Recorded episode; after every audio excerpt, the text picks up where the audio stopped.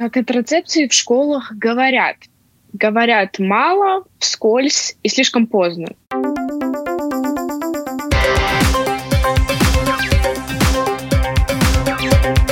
Поколение Z. Здравствуйте, с вами Марина Талапина, режиссер программы Даниэль Йоффе и Сегодня мы продолжаем серию программ, которая называется «Секс, культ, просвет». Расскажите мне о сексе. Мы уже начали об этом говорить. Сегодня мы будем говорить об абортах, потому что, к сожалению, их делают не только по медицинским показаниям, но их делают также, например, потому что слишком рано забеременели, не своевременно. И, к сожалению, в Латвии и не только в Латвии, во всем мире их делают несовершеннолетние девочки.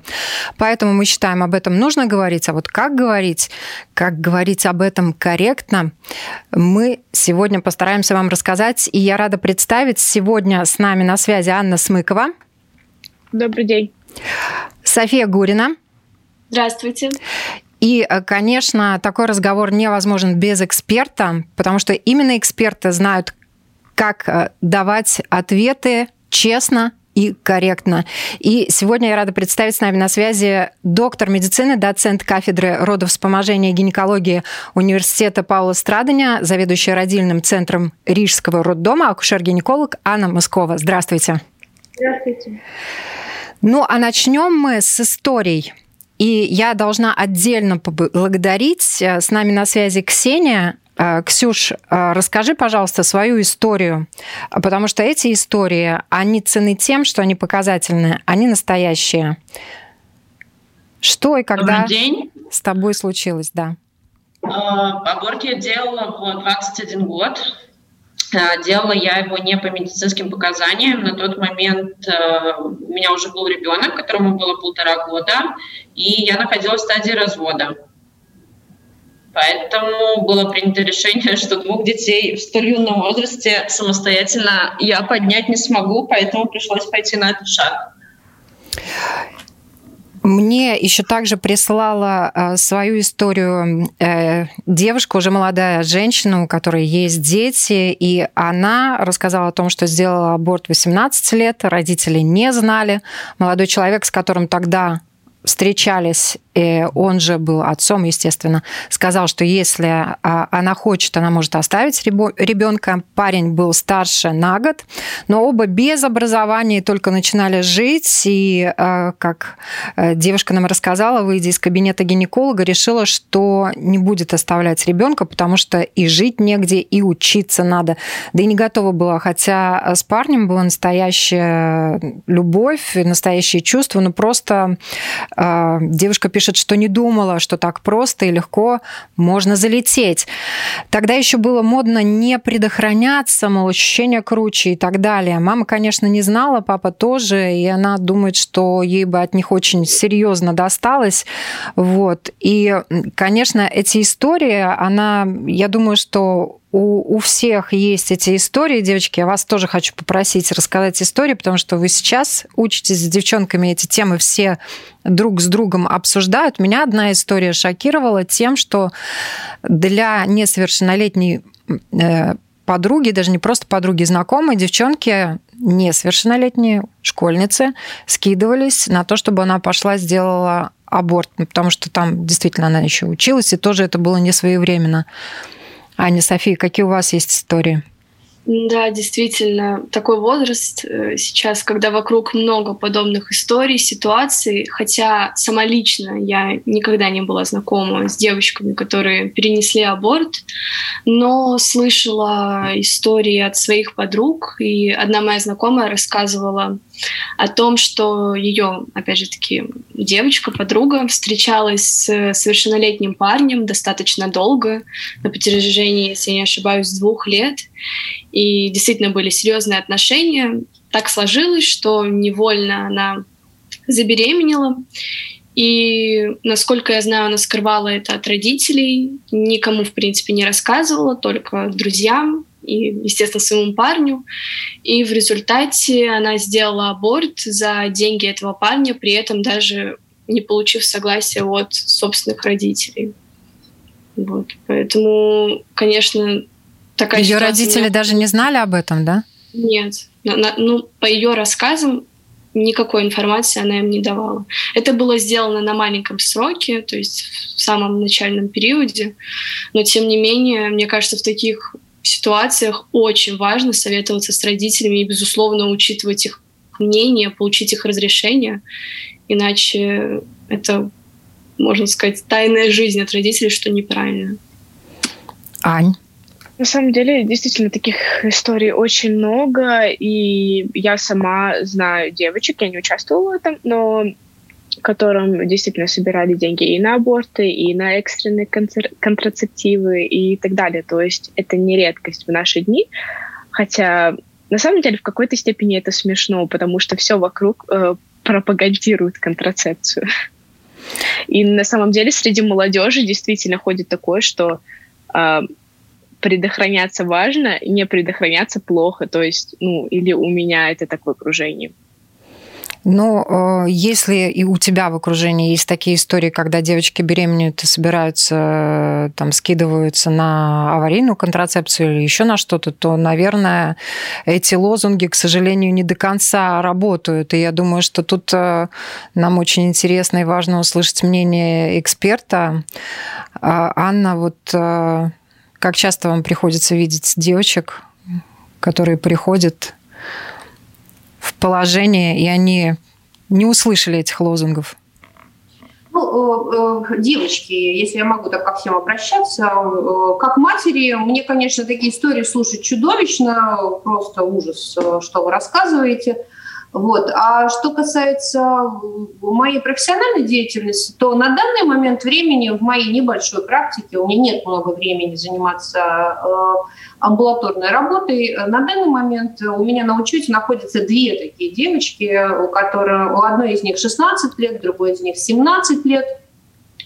И обе эти девочки ждут уже второго ребенка, причем э, первого ребенка они одна из них родила совсем недавно, э, еще год не прошел с операции кесарево сечения прошлой. Э, что я хочу этим сказать? Я хочу сказать, что мы не можем отрицать того, что это есть, это реальность.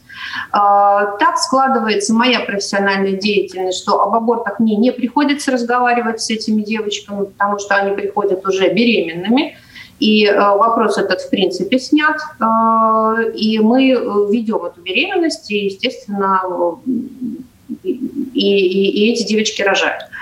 Эм, что касается всего вообще этого разговора и темы нашего сегодняшней передачи, я думаю, что э, мне бы мне бы не хотелось вообще разговаривать с девочками об абортах, э, в принципе. Мне бы, мне бы хотелось, чтобы вообще не было такой необходимости.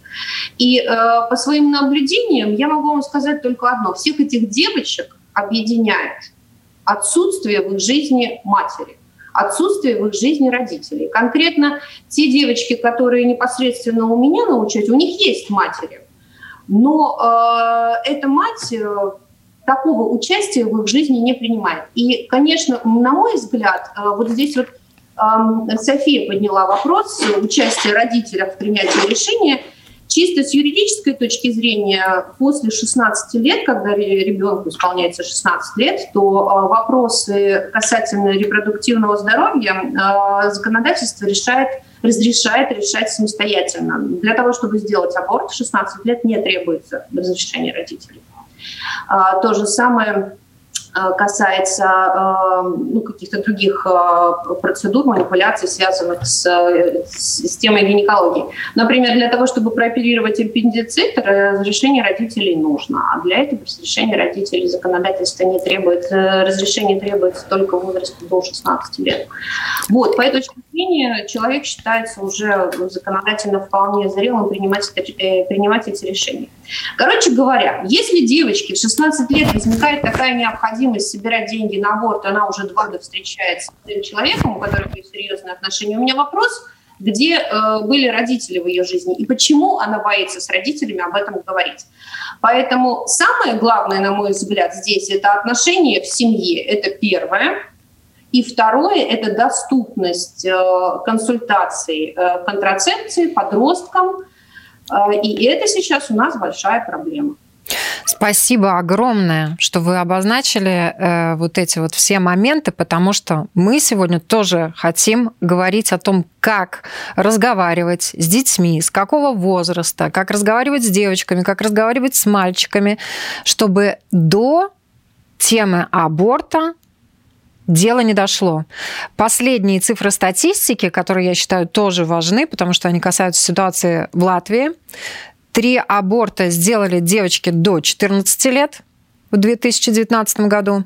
С 15 до 17 лет эта цифра возросла почти в 20 раз. 52 аборта сделано несовершеннолетними девочками до 17 лет. И с 18 до 19 лет количество абортов возрастает еще в три раза. 187 абортированных девушек в 2019 году в Латвии.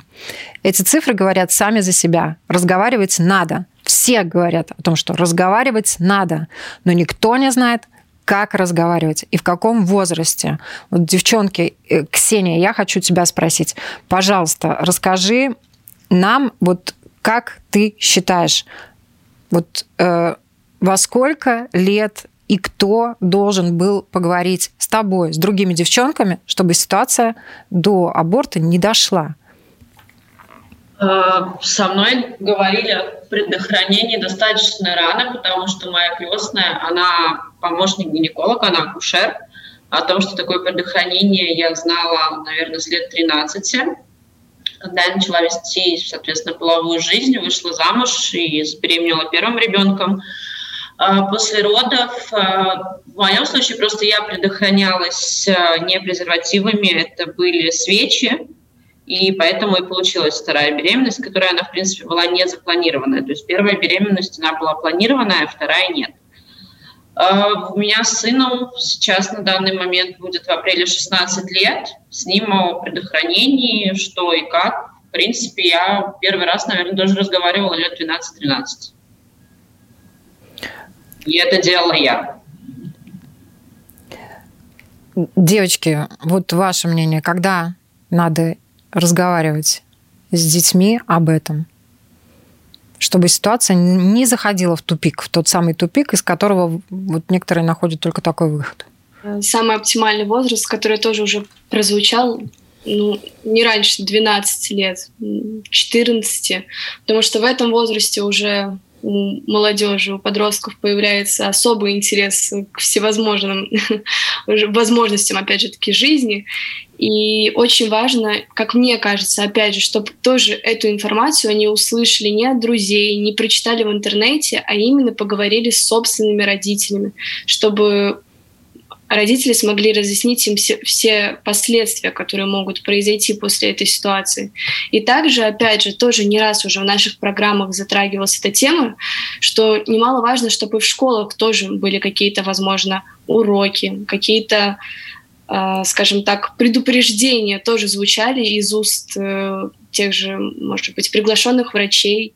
И мне кажется, тогда все-таки получится влиять на молодых девочек и на мальчиков, и тогда будет меньше таких вот случаев. Ань, твое мнение? Ну, скажем так, как контрацепции в школах говорят. Говорят мало, вскользь и слишком поздно, на самом деле.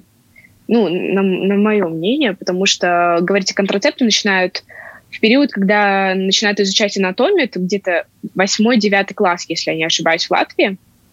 И, конечно, в этом возрасте, когда всем уже 15-16 лет об этом говорить достаточно поздно, потому что мы вращаемся во времена социальных сетей, э, интернета, где все вот так вот лежит на, на, на ладошке, где все видно и понятно, и, конечно, об этом стоило бы не то, что даже говорить, но хотя бы затрагивать эту тему чуть-чуть пораньше.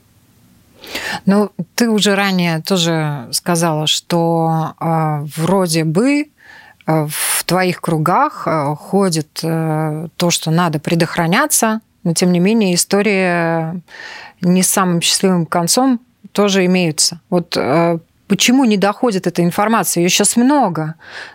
Но у нас уже были случаи, когда информации много, а дети этим специально не интересуются, они живут своей жизнью, там вот как нам написала другая девочка, да, ей казалось, ну, там вот по слухам было, что без э, презерватива, да, ощущение острее. Ну и что?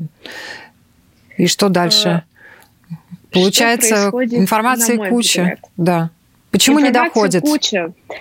Мне кажется, что доходит, но вот в нашем обществе есть какая-то вот такая безумная табуированность секса в принципе, и никто об этом говорить не любит, и все очень этого стесняются. Я знаю многих ребят, а, которые просто боятся пойти в магазин, простите, купить презервативы, потому что они этого стесняются. Вот. И Все знают, что контрацепция продается, она доступна, но боятся. Раз. Да? Боятся покупать, лишний раз боятся сходить к гинекологу, потому что это, ой, это страшно, а как так? А после начала половой жизни как бы надо, а, а страшно. Э, кто-то, опять же, пытается скрыть это от родителей, опять же. И вот и выходят такие истории. Это про простой страх и табуированность темы секса в обществе. Ну, это на мой взгляд. Мне интересно услышать Анну. Может быть, что ваши коллеги на эту тему говорят?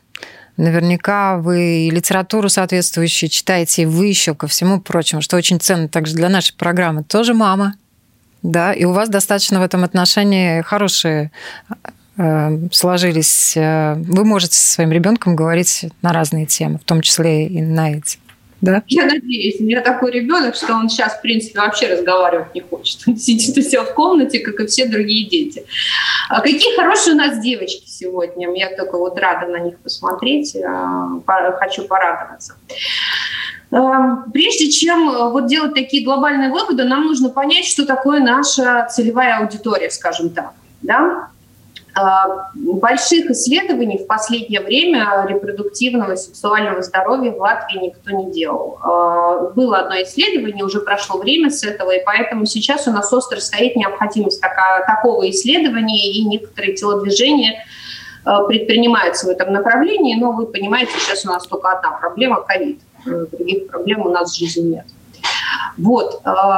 Если мы обратимся к небольшим исследованиям, вот буквально на днях, на прошлой неделе у нас была наша научная конференция университета страдания, в том числе студенческая, на которой сейчас у нас стали довольно-таки популярными вот такие вот социальные исследования. И наши литовские коллеги опрашивали своих подростков относительно вопросов контрацепции, относительно момента э, вступления в половую жизнь. Если мы обратимся к этим вот небольшим исследованиям, то у наших э, соседей э, вот этот возраст вступления в половую жизнь где-то 15-17 лет. А если мы обратимся к исследованиям э, каких-то других наших американских коллег и европейских, то этот возраст э, еще меньше. То есть этот возраст где-то 14-15 лет, 17 э, лет. Конечно, все очень индивидуально, и это не значит, что если вдруг в 17 лет этого не случилось, нужно срочно сделать, чтобы успеть. Естественно, не об этом я говорю. Я говорю о том, что когда. Значит, ну, когда-то нужно это делать до вот этого вот самого возраста.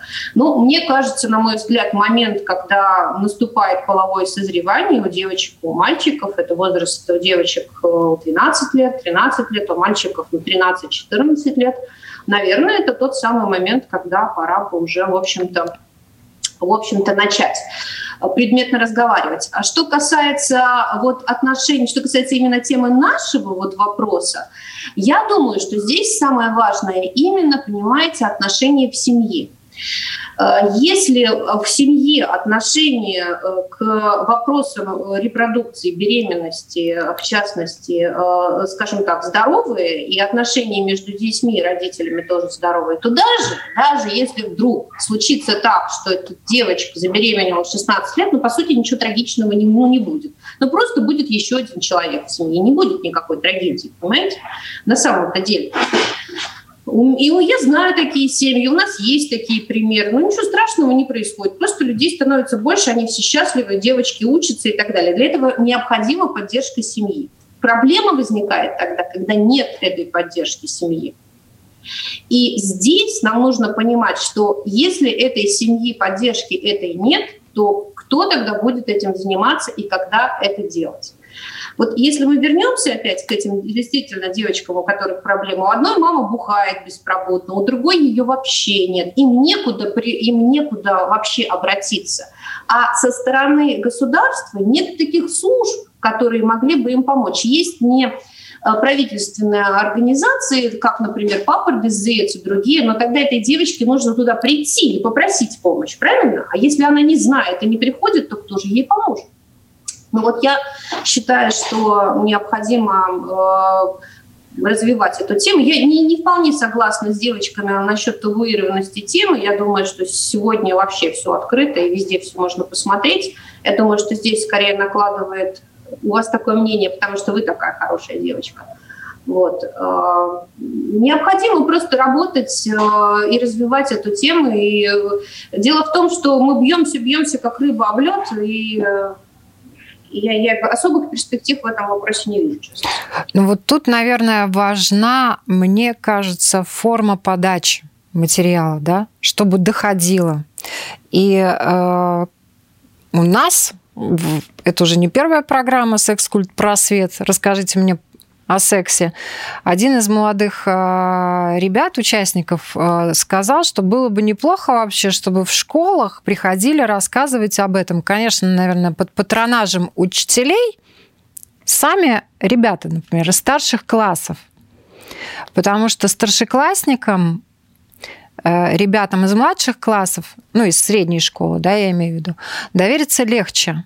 И они будут их внимательнее слушать, потому что когда приходят и рассказывают учителя об этом или какие-то специально приглашенные гости, наверняка среди них есть замечательные рассказчики и люди, которые умеют преподнести информацию, но в большинстве своем у ребят вот это вот хихиканье происходит, они не воспринимают материал, который им дают, да, а на самом деле вот, ну, Э, не говорят же о том, что презервативы, ну, должны быть там, по идее, не только у мальчиков, может и у девочки этот презерватив быть на всякий случай, если она уже ведет половую жизнь, правильно, но это не принято, об этом не принято говорить. Я не знаю, сейчас меня, наверное, кто-то даже осудит вообще за то, что я это произнесла вслух. Вообще вот форма, какой бы могла быть форма донесения информации? Одно дело, конечно, семья, да, это бесспорно, это хорошая такая здоровая обстановка для нормальных, здоровых, интимных разговоров, да, потому что это все-таки такая тема личная. Вот. Ксения, я хочу вас спросить, вот э, на ваш взгляд, когда вы были маленькой, может быть, я не знаю, ваш сын вам что-то рассказывал тоже о том, где, насколько что он узнал? Насколько я помню, когда я училась в школе, нам, по-моему, вообще ничего такого не рассказывали. А, сын в этом году заканчивает девятый класс. В прошлом году их водили в библиотеку и показывали им какой-то документальный фильм про контрацепцию, который никто, в принципе, не смотрел. И больше им ничего не объясняли. То есть им поставили какой-то там пятиминутный фильм-ролик, и на этом было все. Я не уверена, на самом деле, что учителя могут э, донести до них эту информацию. Это должен быть какой-то человек извне, с которым, э, возможно, они могут задать вопросы, которые их заинтересуют, если человек сможет правильно доносить эту информацию. А, потому что те же вопросы, если они есть, их проще задать человеку, которого в их возрасте, которого ты не будешь потом каждый день видеть в школе. Ну, Тоже верно. Я думаю, что девчонки наши согласятся, да, Аня? София. Вот вы да кого вы бы с удовольствием на эту тему послушали? Вот именно с э, таким желанием послушать на заданную тему. Кого бы вам хотелось услышать? Я думаю, я думаю что это должен быть какой-нибудь очаровательный студент, э, например, который учится на, не знаю, венеролога, чтобы сразу же так все объяснить, если не предохраняться, чтобы сразу было все понятно. Ну вот тут тоже вопрос, пугать-то не надо, правильно? Надо рассказать о реалиях, да. Доносить информацию, что может случиться. Потому что то, что если нет предохранения, это же ведет не только к абортам. На самом деле очень необычная и интересная идея приглашать старшеклассников И, может быть, даже в какой-то степени это и могло бы подействовать. И студентов-венерологов. Да, но с другой стороны, все-таки их разделяет буквально несколько лет, и неизвестно, насколько авторитетными и опытными все, все же являются эти старшеклассники. Поэтому, например, мне лично было бы интересно пообщаться все-таки уже с действующим, работающим доктором и профессионалом в этой области. Я бы больше доверилась, наверное, такому человеку. Когда в школе говорят про э, контрацепцию, вообще про секс в принципе, все очень смущаются и боят, боятся некоторого, некого осуждения в свой адрес, э, если они уже ведут половую жизнь. Поэтому они лишний раз э, даже не будут задавать вопросы, вот они зажмутся в уголок, и все, они будут сидеть и молчать, потому что э, а мало ли потом этот учитель потом расскажет другим учителям, а мало ли потом мнение какое-то сложится. Все этого очень боятся. Все боятся осуждения, тем более в школе, в которой тебе, возможно, еще предстоит учиться. Вот. А что, а что касается того, кого бы я хотела послушать, ну, конкретно в моей школе эм, был очень хоро... была очень хорошая лекция, посвященная не только контра... контрацепции, в принципе, но и разным венерическим заболеваниям и так далее. Вот, кстати, мы говорим про аборты, э, Ксения упомянула очень хорошую вещь. Мы забыли вообще про э, ЗППП, заболевание, передаваемое половым путем. Почему-то все, когда предохраняются, не предохраняются, вспоминают только про беременность. Хотя некоторые венерические заболевания могут быть даже опаснее. Ну, это вообще разные вещи. Заболевание и беременность. Я думаю, тут надо дать слово нашему доктору. Кого бы вы хотели в свои 13-14 лет послушать мне очень повезло. В мои 13-14 лет у меня была чудесная учительница по биологии, которая как раз-таки в девятом классе э, все это э, нам вполне нормально рассказала, и я уже не говорю о моих отношениях э, с моими родителями. Так что я в этом плане не показатель. Что нам нужно понимать, дорогие мои? Нам нужно понимать, что для того, чтобы это происходило в школе, такое, такие уроки должны быть включены в учебный план. А, должно быть это определено, должно быть э, определено, кто это преподает. Это же не будет ваша учительница по математике делать, правильно? Моя учительница по биологии делала это в рамках э, девятого класса, когда мы проходим анатомию, исключительно по личной инициативе. Да? А, в случае с Анной, я думаю, что это тоже инициатива школы была пригласить лекторов. Э, и сейчас это все связано именно с инициативой школы. У нас есть такой опыт. Наши молодые доктора в сотрудничестве с различными организациями ходят в школы, что-то им рассказывают. Это все реально, это все можно сделать. Но сегодня это все э, добрая воля и инициатива непосредственно школы и непосредственно этих молодых докторов. То есть это все держится на. Системы нет.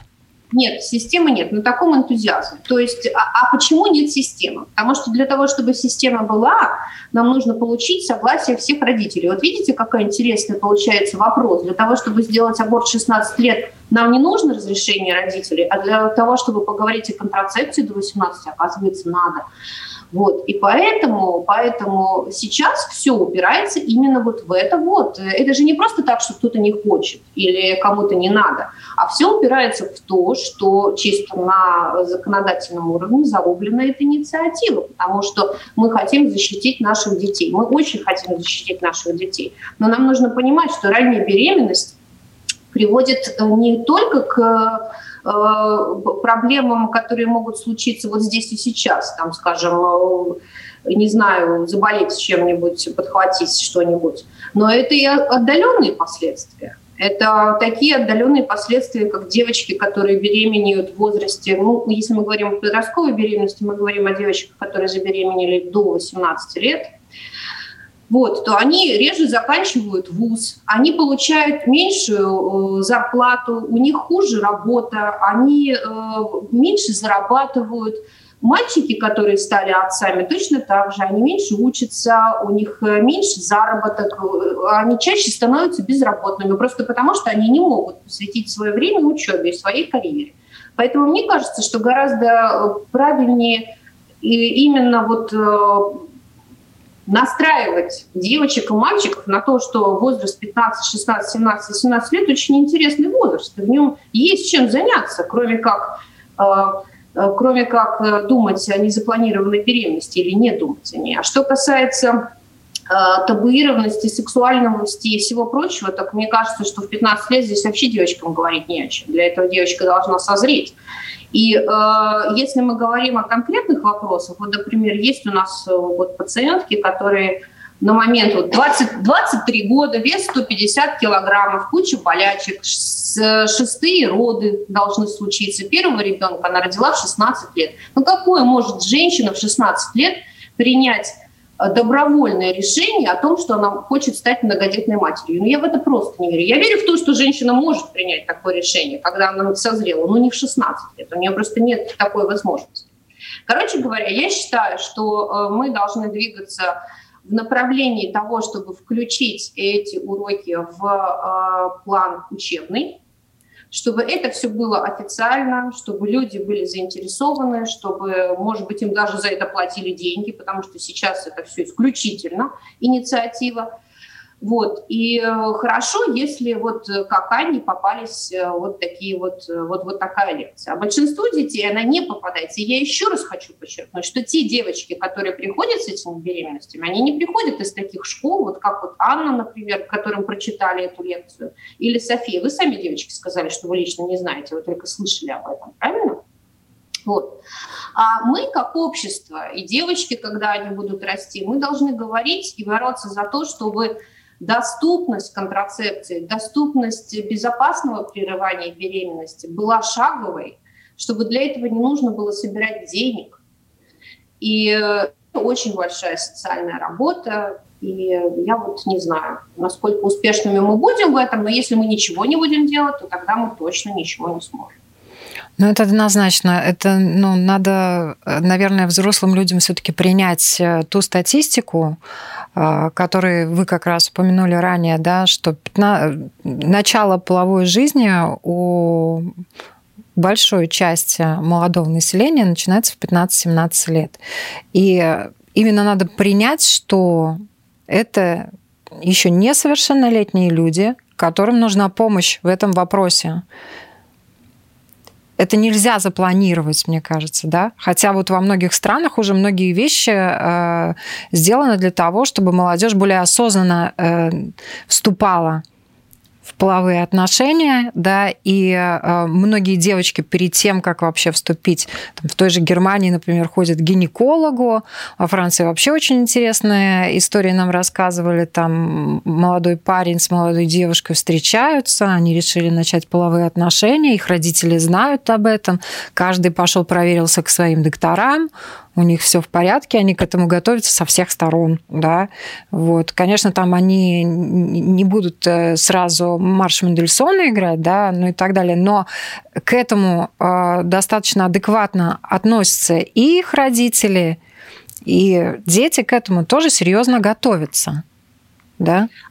Вот это очень замечательная мысль сейчас прозвучала. Я хотела об этом сказать, но все как-то не пришлось. Вот целью полового воспитания на самом деле является осознанное отношение к вступлению в половую жизнь тогда, когда человек к этому готов. Именно так. Я еще позволю себе э, цифры рассказать, потому что ну, то, что об этом надо говорить, и надо, чтобы это было на уровне государства, вот э, из статьи 2020 года, источник Хук Report, доступ к больницам и медицинскому обслуживанию во время карантина в прошлом году был ограничен, что поставило здоровье женщины под угрозу во всем мире. И в этот период был популярен, а, например, портал Women on Web, который работает на 22 языках, в том числе и на русском. И он предоставлял консультации по медикаментозному аборту в домашних условиях. Анкету из 25 вопросов э, нужно было заполнить, чтобы понять, можно ли выбрать такой способ избавления от нежелательной беременности или нет. Вот вам, пожалуйста, да, насколько, казалось бы, информация доступна. Но какая информация? Зачем до этого вообще доводить, когда можно не доводить, да? Также вот по данным ВОЗ, половина абортов в мире проводится в небезопасных условиях с угрозой здоровью женщин. И в странах третьего мира это практически все аборты, 97%, да, но мы, слава богу, не страна третьего мира, но все равно в развитых странах статистика не такая печальная, тем не менее каждый девятый аборт криминальный.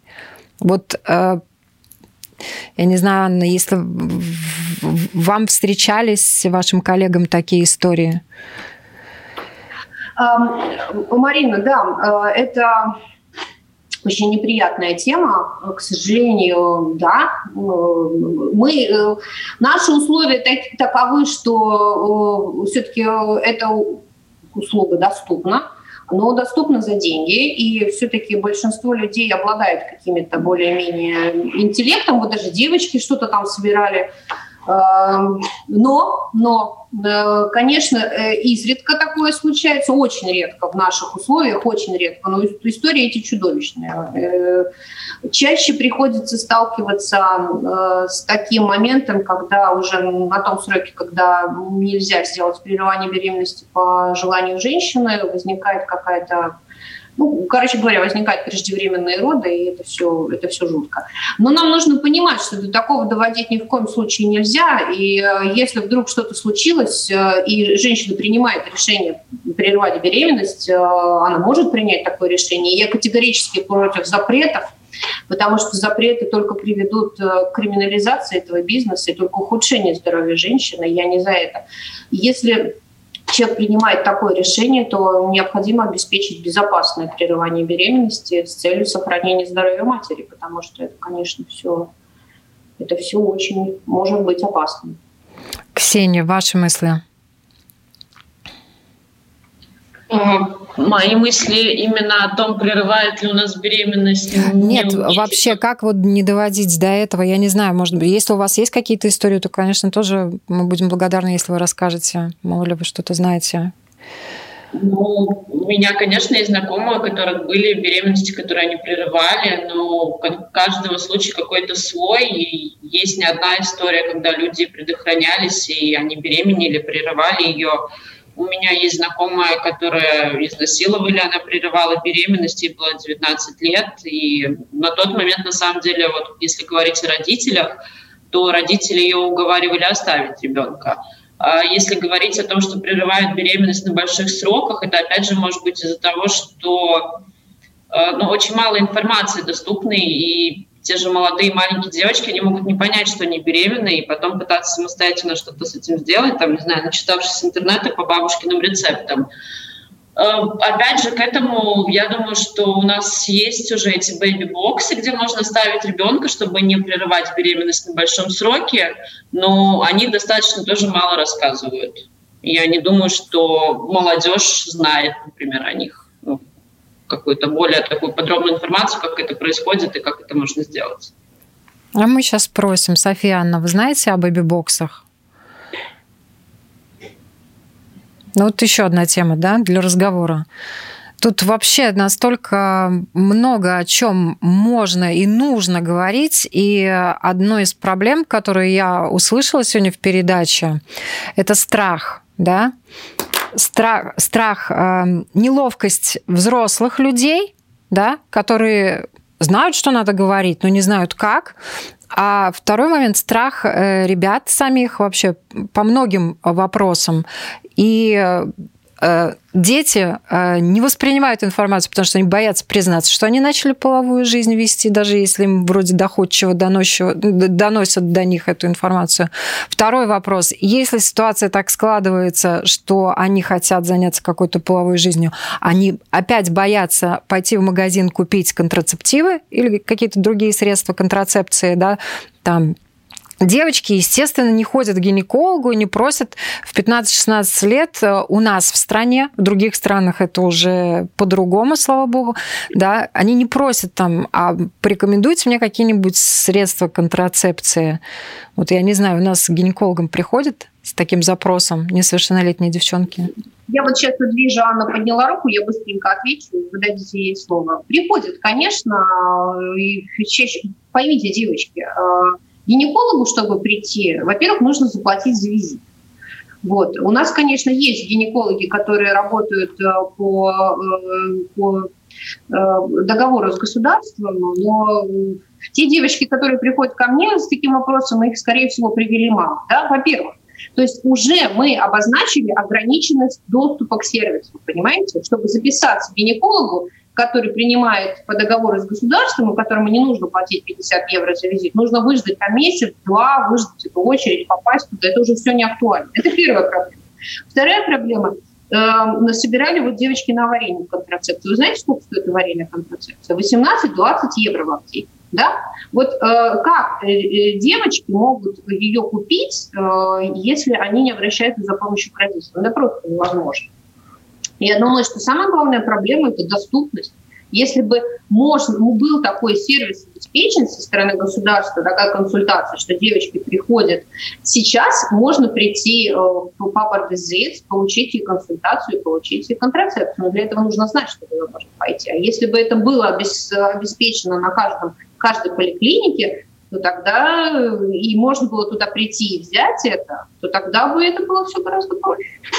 Вот, еще одна очень четкая проблема. Я, я не знаю, вот если резюмировать сегодня, э, мне кажется, мы очень э, провели хорошо и полезно время. И КПД есть. Во-первых, надо снимать страхи, зашоренность, табуированность, ну вот эту вот дистанцию сокращать между взрослыми и детьми, да, э, чтобы можно было действительно, как мы сегодня, говорить об этом открыто. Конечно, было бы здорово, чтобы у всех были отношения хорошие в семье, и с ними обо всем этом могли разговаривать э, взрослые. К сожалению, на сегодняшний день пока еще это не так. И э, доступность. Доступность как похода к врачу, так и доступность э, контрацепции для ребят, э, особенно несовершеннолетних, которые еще не зарабатывают на это деньги. Спасибо вам большое. Давайте резюмировать. София, тебе слово. Ой, конечно, в процессе беседы появилось много мыслей, есть над чем подумать, есть, в принципе, э, чем, скажем так, заняться и что какие построить планы на будущее, может быть, тем же школам. И на самом деле вообще двоякое мнение на этот счет. С одной стороны, я, конечно, считаю, что вообще в любом случае, сколько бы лет не было девочки, это чудо рождения ребенка и то, что случилась такая возможность, я считаю, что надо оставлять ребенка. Конечно, с одной стороны, я понимаю, что, наверное, ребенок не сможет, может быть, получить достаточно знаний, достаточно опыта от молодой мамы. Но, опять же, как мы сегодня не раз затрагивали тему семьи, если юную маму поддерживают ее же родители, то они обязательно помогут в воспитании. Поэтому, конечно же, советую всем нашим нашим ровесникам быть осторожными, внимательными и осознанно подходить к каждым поступкам, особенно если это касается половой жизни, и помнить о последствиях. Угу. Буквально по несколько предложений каждому. Ксения, давайте вы, потом и потом две Анны. Э, ну что, я, наверное, посоветую то же самое, что я говорю своему сыну. Думай. И в какой-то мере мы, родители, могли бы тоже подключаться. И так как подростку не всегда удобно покупать для себя те же самые контрацептивы, э, пусть дома лежит пачка презервативов, и все знают, что она лежит рядом с аспирином. Спасибо. Аня? Ну, э, нашим ю- юным слушателям, моим ровесникам я посоветую лишь одно. Э, будьте осознанными, если что-то случилось, оно случилось, э, не пренебрегайте своим здоровьем. Вот, об- обязательно обращайтесь либо к врачам, а родителям э, подростков, которые нас, возможно, сейчас слушают, я посоветую лишь одно. Будьте немножко добрее к своим детям и понятливее. Спасибо. Анна. Хочу поблагодарить вас, Марина, за эту тему. Вы большая молодец, что вы этим занимаетесь. Я хочу пожелать девочкам и мальчикам наслаждаться своей молодостью, учиться, читать, путешествовать, смотреть мир. Он очень большой и интересный, и в нем очень много всего интересного, поверьте мне. А, все остальные вещи успеете. Я желаю встретить того человека, с которым действительно это будет хотеться и родить ребенка, и жить половой жизнью и так далее. А самое главное, я хочу всем напомнить о том, что любое наше действие, из-за него мы должны нести ответственность. И я думаю, что здесь ключевое слово будет ответственность. Спасибо всем. Берегите себя. Спасибо большое вам за эту беседу. Я напоминаю, что поколение Z можно смотреть на YouTube, слушать на сайте LR4, а также в подкастах на платформах Spotify, Google, Apple Podcast. Подписывайтесь на нас. Мы работаем для вас. Всем хорошего дня.